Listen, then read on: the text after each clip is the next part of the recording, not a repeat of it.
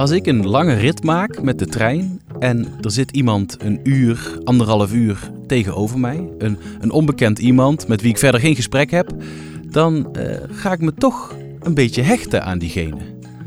En als die persoon dan de trein verlaat, dan voelt dat ook als, eh, ja, als afscheid. Ik heb dan echt de behoefte om even tot ziens te zeggen, of een high five te geven, of, of heel even een, een hug. Al ja, zal diegene dat misschien best uh, apart vinden. Maar toch, wij hebben, hoe je het ook went of keert, samen iets gedeeld. Welkom bij Luisterruit, de maandelijkse podcast voor in de trein. Ik ben Thijs en ik reis met je mee langs alle grappige, confronterende, inspirerende en soms ook best wel idiote verhalen van de aflevering. En dit keer rond het thema verbinding. Ja, uh, verbinding. Het is, het is een populair woord bij politici en beleidsmakers. Er lijkt ook altijd gebrek aan te zijn. Hè? De verbinding tussen bevolkingsgroepen, tussen burgers en regering, tussen mens en natuur. Maar, maar wat houdt het in? Wanneer voel je je nou verbonden met iets? Voel jij je bijvoorbeeld verbonden met je stad of met een voetbalclub?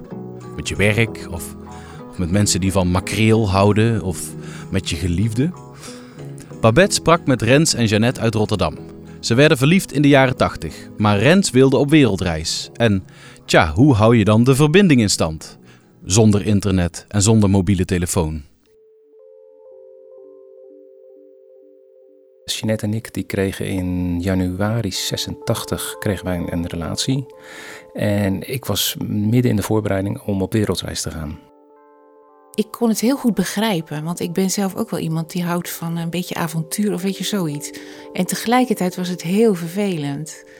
Het is heel pril en eigenlijk nog voordat het echt iets kan zijn, gaat hij weg. Maar die reis die, ja, die, die, die, die zat in mijn hoofd, die, die moest doorgaan. Ja. Was natuurlijk ook nog even, ga je mee? En ik dacht, ik zit in mijn opleiding, ik maak het af. Toen ben ik rond gaan reizen eh, in, in, in Spanje, Marokko, uh, Portugal. En toen wilde ik Jeannette een brief sturen met de vraag of ze dan in het najaar naar eh, Griekenland zou komen. Nou ja, in het begin denk je nog van, nou ja, er zal wat komen, komt wel een briefje. Maar er kwam niks. Toen kwam ik een vriend van mij tegen in Lissabon. En toen dacht ik in plaats van uh, mijn brief met uh, wellicht onbetrouwbare Portugese posterijen meegeven, heb ik hem die brief meegegeven. En ik twijfelde dat ik dacht, ja, uh, hoor ik nou nog iets of is het... Nou, later bleek dat hij die brief helemaal niet bezorgd heeft. Dus je net wist, wist er helemaal niks van. Dus ik dacht op een gegeven moment, nou, ik laat het maar los. Dan maar niet. En toen was een situatie dat ik in een eh, wachtkamer zat bij de dokter en ik pakte AD. En daar stond in, Jean stond er zo, kom naar Kreta. Dus ik dacht, dat is voor mij. Jeannette las dit berichtje op de pagina van de contactadvertenties van de krant. In de jaren 80 de manier om berichten voor elkaar achter te laten. Ik heb gewoon maar geboekt 10 oktober en ik ben uh, gegaan. Maar wat bleek? Rens had helemaal geen advertentie geplaatst in de krant. Toen hoorde ik via mijn broer, een vriend van ons zat in zijn huis. En hij had in de kroeg, Jazzcafé Dizzy, had hij gehoord dat uh, Jeannette op zaterdag naar Kreta zou komen. Dus ik dacht nog, waarom schrijft ze dan niet en waarom Kreta? Ik zit hier in Athene. Maar goed, geeft niet. Morgen pak ik de nachtboot naar Kreta en dan kom ik daar zaterdagochtend aan. En dan, uh, uh, nou, dan zien we elkaar. Ik vond het ook best wel spannend, zo voor het eerst alleen vliegen. En uh, we landen. Nou, ik was al een beetje zo van, oh, waar zou die zijn? Weet je, dan staat hij daar. En daar was hij dus niet. Dus ik vrijdag toen die nachtboot genomen, kom zaterdag aan op de luchthaven. En nou, komt inderdaad een charter van Martinair aan. En iedereen eruit, maar geen Jeanette. Dus ik denk, hoe kan dat nou joh? Dus ik naar die balie toe en ja, wat nu ongelooflijk is, maar wat toen kon. Ik heb die passagierslijsten mogen, mogen inkijken. En toen zag ik dat ze niet zaterdag, maar vrijdag al was aangekomen. Dus ik dacht, hoe kan dat nou? Nou, is die misschien boven? Dus er was een soort tweede verdieping naar boven gelopen. Nee, ook niet. Nog, nog, een, nog zelfs een vliegtuig afgewacht. Dat ik dacht, misschien denkt hij een later vliegtuig. Dus bij die mensen gevraagd, wanneer komt er nog een vliegtuig? Dat nog afgewacht. Dus dat was echt wel een paar uur verder. En toen dacht ik, ja, misschien is er wat met de boot. Ik dacht, nou, nou weet je wat, ik ga een taxi nemen naar de haven en daar kijken. Dus ik kwam bij de haven, helemaal niks. Ook niet van, er is net een boot weg of... Dus ik wist dat ze op Kreta was, dat ze in Heraklion was. En ik denk, ja, ik ga gewoon maar alle uh, jeugdhotels, kamers, uh, overal waar je, waar je kan slapen, ga ik maar af. Ga ik, ga ik gaan zoeken. Nou, ik dacht, nou, dan ga ik maar een soort hotel. Ja, ik moet even eten. Ik ben een restaurantje gaan zoeken. En ik werd ook wel steeds bozer, want ik dacht, ik moet uit die stad. Het is duidelijk, deze meneer moet mij niet. Hij bekijkt het ook maar. En uh, nou, overal niks, niks, niks. En inmiddels waren we al, ik geloof, vier, vijf dagen verder. Dus die week was al bijna om. En toen, um, nou, toen dacht ik, nou weet je, ik, ik, weet in ieder geval wanneer de terugvlucht is van uh, laat maar, ik, ik, ik, zie het dan, ik geef het op. Maar ik dacht, ik wil wel iets van Kreta zien, iets van de cultuur. Dus ik ben uh, met de bus naar uh, Iraklion gegaan. Door het museum gewandeld. Vond ik het was heel mooi allemaal. In een restaurantje wat gegeten en gedronken. En toen ik klaar was en afgerekend had, toen, ik wist wel, ik moet ongeveer zo terug. Dus ik liep terug naar Heraklion en ik liep een bakkerijtje in en ik haalde wat brood. En ik, uh, ik liep naar buiten en ik hoor, hoi. En toen liep ik er tegen het lijf. Ja. Ja. Ja, dat is... Uh, dat hebben de Griekse goden verzonnen. ja. Rens en Jeannette zijn inmiddels 32 jaar samen en hebben twee dochters. In de meest ideale wereld zou je je misschien met iedereen verbonden voelen. Hè? Je om iedereen bekommeren, maar dat lijkt me niet mogelijk. Het lijkt me ook heel vermoeiend. Gelukkig zijn er wel dingen die de verbondenheid in ieder geval eh, makkelijker maken. Wist je bijvoorbeeld dat sinds de komst van de trein de klokken gelijk zijn gezet? Elke stad had uh, in Nederland, maar ook in Europa, zo nog uh, hun eigen tijd. Dat had te maken met uh, de opkomst van de zon. alleen als je een dienstregeling ontwerpt, dan moeten die treinen niet eerder aankomen dan ze vertrekken. Dus was het wel belangrijk dat elke stad dezelfde tijd hanteerde. Vanaf het moment dat onze klokken allemaal gelijk zijn gezet, zijn we daar ook naar gaan leven. De biologische klok, daar heb je, daar heb je niks meer aan. En eigenlijk komen we altijd tijd tekort. Dus, dus wat je zeker niet wil is wachten. Dat weet ook NS. Ze hebben zelfs speciaal iemand in dienst die onderzoek doet naar wachttijdbeleving. En hij probeert ons leed wat te verzachten. Zijn naam is Mark van Hagen en zijn collega's noemen hem ook wel de tijdgoeroe. Het vervelendste is als je een trein mist, uh, dat je moet wachten. En uh, Wachten is eigenlijk na ziek zijn het ergste wat mensen kan overkomen. Moet ik wel zeggen in een normale situatie. Als het oorlog is, dan, uh, dan spelen andere zaken een rol. Maar in onze westerse samenleving uh, worden mensen heel naar als ze moeten wachten. Als mensen bijvoorbeeld staan te wachten op een verlaten saai perron, dan gaat de tijd in hun hoofd drie keer zo langzaam als in werkelijkheid. Er is een bekend voorbeeld uh, van Houston eh, bij een vliegtuigmaatschappij waar heel veel klachten kwamen dat het zo lang duurde voordat de bagage uh, van de bagageband afkwam. Nou ja, omdat ze allergisch zijn voor klachten, hebben ze dat direct uh, proberen aan te pakken en het hele proces versneld. Maar de klachten die bleven maar. Toen bleek dat het vliegtuig heel dicht bij de bagageband stopte, waardoor mensen maar één minuut naar de bagageband hoefden te lopen. En de oplossing was nu om het vliegtuig zo ver mogelijk van de bagageband af te plaatsen, waardoor mensen eh, zeven minuten moesten lopen en nog maar één minuut hoefden te wachten. En alle klachten verdwenen als eh, sneeuw voor de zon. Ah, mensen zijn makkelijk te manipuleren, blijkt maar weer. Als het een gewone drukke spits is, dan helpt uh, rustgevende klassieke muziek wel om mensen ook letterlijk wat meer rust te laten ervaren. Echter, wanneer het te leeg is, bijvoorbeeld s'avonds op een perron, dan uh, staan mensen juist open voor veel prikkels. En dat betekent uh, uptempo stimulerende muziek, dat mensen een beetje vrolijk worden. Voelen is ook een interessant zintuig. Een stalen bankje, dat zit heel wat minder prettig, zeker in de winter, dan een houten bank. Als het te koud is of te warm, dan komen mensen uit hun comfortzone en dan, en dan gaat de tijd ook langzamer in hun hoofd. En die piano's op de stations, je voelt hem al aankomen, die staan daar ook niet voor niks. Mensen in Nederland kunnen ongelooflijk goed spelen, uh, verbaast me wel eens. Het durven dat ook in een uh, stationshal, uh, een grote open ruimte. Maar mensen gaan ook spontaan luisteren en soms zelfs meezingen, soms zelfs met een gitaar. Ik ben niet zo'n goede pianospeler. Ik heb ooit drie jaar les gehad, maar ik had er ook een beetje een hekel aan eigenlijk. Ik ben meer een luisteraar, ja. Net als met bier drinken ben ik meer een proever dan een brouwer. Net als de klok heeft de mobiele telefoon ook een enorme invloed op ons contact met elkaar. kijk maar eens om je heen. Iedereen verliest zich in dat apparaatje. Je sluit je als het ware af voor contact. Aan de andere kant zijn we meer verbonden dan ooit. Want juist door die telefoon heb je de hele wereld in je broekzak. Maar oeh, als de batterij bijna op is. De paniek die dan toeslaat. 7% batterij, 6%, 5%. Dries de Poorter is kunstenaar en heeft daar iets op bedacht. Hoi. Hey. Wie van ons zou als eerste doodgaan? Ik was in uh, Kopenhagen en ik moest eigenlijk laat terug naar mijn hotel gaan. En, en mijn batterij was plat van mijn smartphone. Ik weet dat het koud was en ik vond eigenlijk niet mijn hotel en ik, had, ik, had zelf, ik wist zelf de naam niet meer. Gewoon wat, wat gewoon in, in Google Maps zat. Mijn eerste idee was gewoon om eigenlijk een, uh, ja, een plaats te zoeken waar ik mijn gsm kon opladen. Maar het was al redelijk laat en dan allee, herkende ik mij op een bepaald punt en dan ben ik mijn hotel zo ja, met een beetje geluk teruggevonden. Ik zoek een meisje met wiet en een oplader.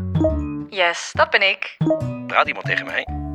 Veel mensen weten ook niet meer de telefoonnummer van een vriendin of vriend.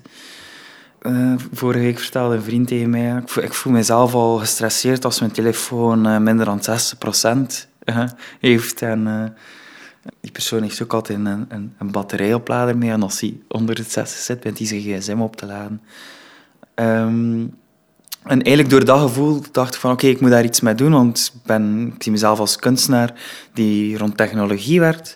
Ik dacht, ik moet daar iets mee doen. En eigenlijk toen, die avond, toen ik mijn hotel terugvond, um, kwam ik eigenlijk om het idee van oké, ik ga een app ontwikkelen die alleen maar kan gebruiken als je minder dan 5% had. Hoe is het weer daar?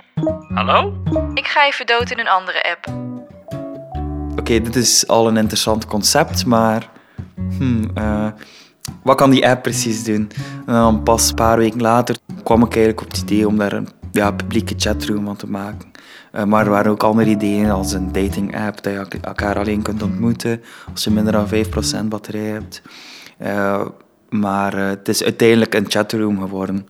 Ik haat mijn leven. Ik sta op het punt van sterven. Lol. Houden jullie van mij? Please, vertel me wat geluk betekent. Ja, soms zie je ook dat mensen ook verhalen delen rondom een lege batterij hebben en hoe ze zich daarbij voelen. Uh, dus soms kan het heel poëtisch zijn in de app, maar soms kan het ook, ja, je leert mensen elkaar kennen in de app. Tijd om te sterven dan maar. Zoveel mensen, dit is massamoord. Ik ga dood. Stuur hulp! Oh, ik kan best wel veel doen zonder smartphone in de trein. Uh, ja, naar, naar buiten kijken praten tegen andere mensen. Denk over het zin van, van het leven, kan ook. Vrienden maken in de trein, een vriendin zoeken in de trein, een gedicht schrijven. Ik ga nu iets anders doen. Doei.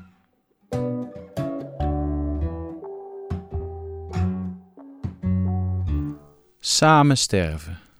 De verbinding verliezen. Mooi wel.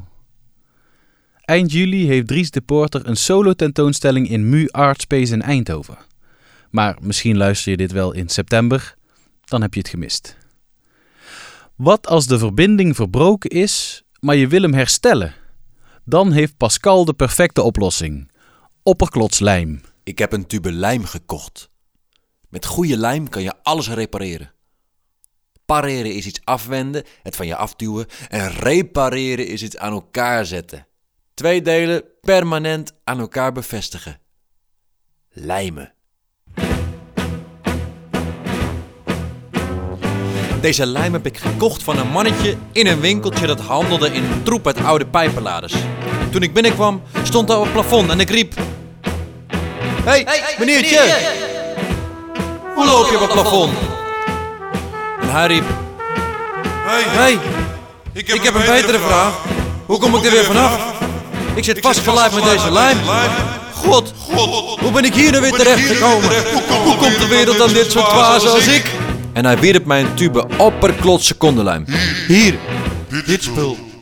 Dit plakt. Dit plakt goed. Opperklots. Wat los zit, vast en nooit meer los. Opperklots. Kledder, kladder, klots. En het zit vast. Opperklots. Ja, opperklots. Echt goed. Probeer het zelf. I love it. Opperklots. In huis heb ik alles aan elkaar gelijmd dat stuk was. De planken van mijn bed die aan stukken gingen bij de laatste wilde nacht thuis. Een wijnglas dat aan diggelen ging bij de laatste ruzie. De bloemen die ik had gekocht om het weer goed te maken, die hingen een beetje treurig, maar die heb ik weer omhoog gelijmd. En ik ben nog bezig om de stemming in huis weer goed te lijmen. Haar mondhoeken heb ik inmiddels omhoog gekregen en mijn fronsende wenkbrauwen ook. Ik heb haar scheldwoorden verzameld en op zolder tegen het plafond gelijmd. En we lijken nu weer gelukkig thuis. En zelfs onze droom om ooit een hond te kopen, die heb ik gelijmd. Nu is bijna alles weer heel. Lijm is wonderlijk spul.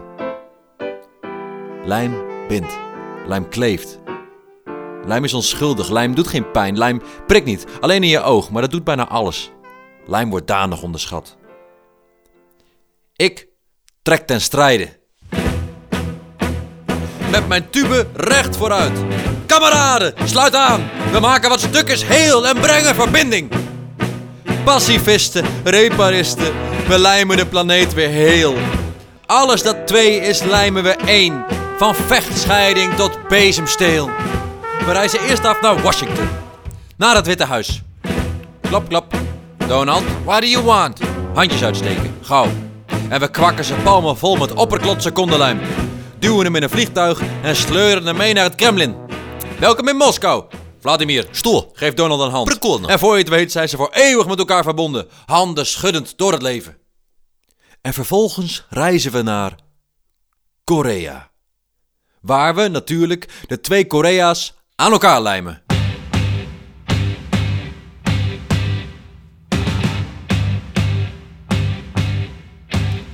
Gewoon een beetje daar op die breuk smeren. Ergens in het hart. Ergens tussen haat en nijd smeren we een lijntje. Zo, die zitten weer goed vast. En in de Amazone, daar lijmen we een heel bos weer op zijn wortels. Er liggen daar zoveel bomen plat. Nou, die staan weer vier overeind als wij zijn langs geweest. En nu? Nu gaan we naar Groningen. Geen schadeprotocol dat tegen onze lijm op kan.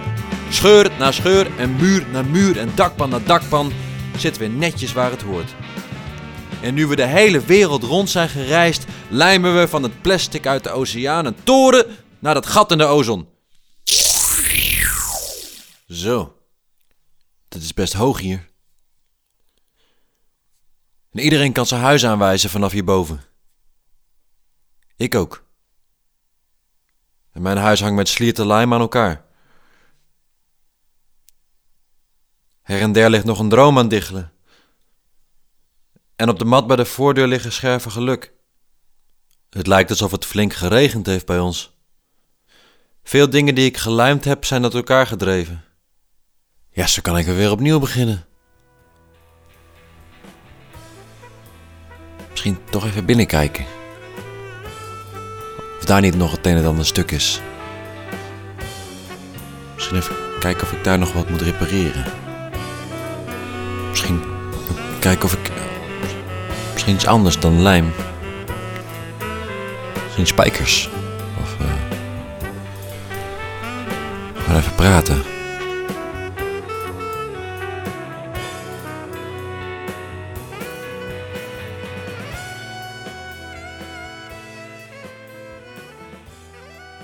Om je verbonden te voelen met iemand anders is het belangrijk om iets te hebben wat overeenkomt.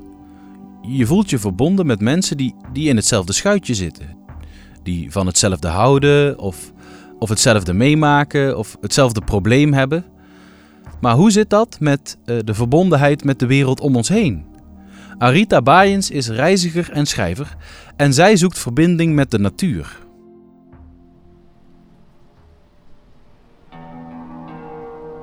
Al 30 jaar lang ga ik naar plekken waar de kaart niet vertelt wat daar allemaal is. En behalve dat ik woestijnen en uh, toendra's en steppes in Siberië verken, uh, hou ik er ook van om onbekende plekken in de geest te verkennen. Ik was uh, een tijdje geleden in het zuiden van Siberië. En helemaal aan het eind van een lange reis vroeg ik aan een lokaal iemand: Ik zeg, kijk nou eens daar naar die bergerij die we zien. Ik zeg, ik zie prachtige bergen. Punt. Ik zeg, wat zie jij dan? En hij zei onmiddellijk: Hij zegt, die bergen, dat ben ik. En ik ben die bergen. Hij zegt, wat jij ziet is een schoonheid, hè? maar hij zegt, het is een koude schoonheid. Ik communiceer met die bergen en die vertellen mij iets. En omdat ik met die bergen communiceer, krijgen die bergen ook iets van mij. Het is een vaag, ik besef het is een vaag verhaal, maar dat kun je niet serieus nemen en denken, nou ja, mooie fantasie, wat ik zelf heel lang heb gedacht, want ik ben ook een wetenschapper. Maar als je probeert je te verplaatsen in die wereld waarin deze mensen leven en waar ze in geloven, dan moet ik na 30 jaar constateren dat die geesten echt bestaan voor mensen die daarin geloven. Bijvoorbeeld uh, auto's, noem maar, neem maar auto's. Voor, mannen, en soms ook voor vrouwen, is een auto meer dan een blik op wielen. Wat voor merk het is, wat voor kleur. Ze geven vaak dat ding een naam en zo. Ik heb het nooit begrepen. Maar je zou kunnen zeggen dat wat een auto, een Porsche of een Maserati of zo is voor uh, nou ja, zijn eigenaar en bereider. Dat kunnen geesten en goden zijn voor mensen elders ja, ik hou daarvan om mij zo in een landschap te begeven. Maar ik heb nooit afgevraagd tot voor kort uh, wat ik dan met dat landschap zou hebben. Tot ik me realiseerde dat de wereld zo snel verandert en zo vaak op de schop gaat. En dat zelfs mensen die, die ik tegenkom onderweg en die dus een bezielde natuur ervaren of natuurgeesten zien, die mensen hebben geen verweer tegen. Uh, uh, groot uh, zeg maar, landontwikkelaars of tegen uh, een Shell of een Exxon. Dus het gaat niet om zo'n zweverig geven om, maar meer wie bepaalt nou eigenlijk welke werkelijkheid telt? Wiens werkelijkheid is belangrijk en waarom? En waarom moet alles altijd wijken voor cijfers, voor economie, voor geld? En daarom denk ik, als je uh, een, een, band met iets ontwikkelt, het kan natuurlijk ook met een, een, een gebouw zijn, maar dat, ja, dat er andere besluiten genomen worden dan wanneer je alleen maar alles afmeet aan nut, aan economische waarde. Het kan anders en ik wil die verwondering de wereld inbrengen. En dat maakt het leven ongelooflijk interessant. Als je naar buiten kijkt, is het ook wel eens boeiend om uh, bijvoorbeeld uh, te kijken naar. alleen maar kijken naar de kleuren en de tinten groen. En daar gewoon zelf een naam voor verzinnen. Om het dus te zien als, als iemand die het nog nooit eerder zo gezien heeft. Citrusgroen, vermoeid groen, dofgroen, legertrukgroen, prilgroen, zongroen, vermoeid grijsgroen, olijfgroen, jaloeziegroen, zilvergrijsgroen, stoffig groen, strogroen, broccoli als de zon erop staat.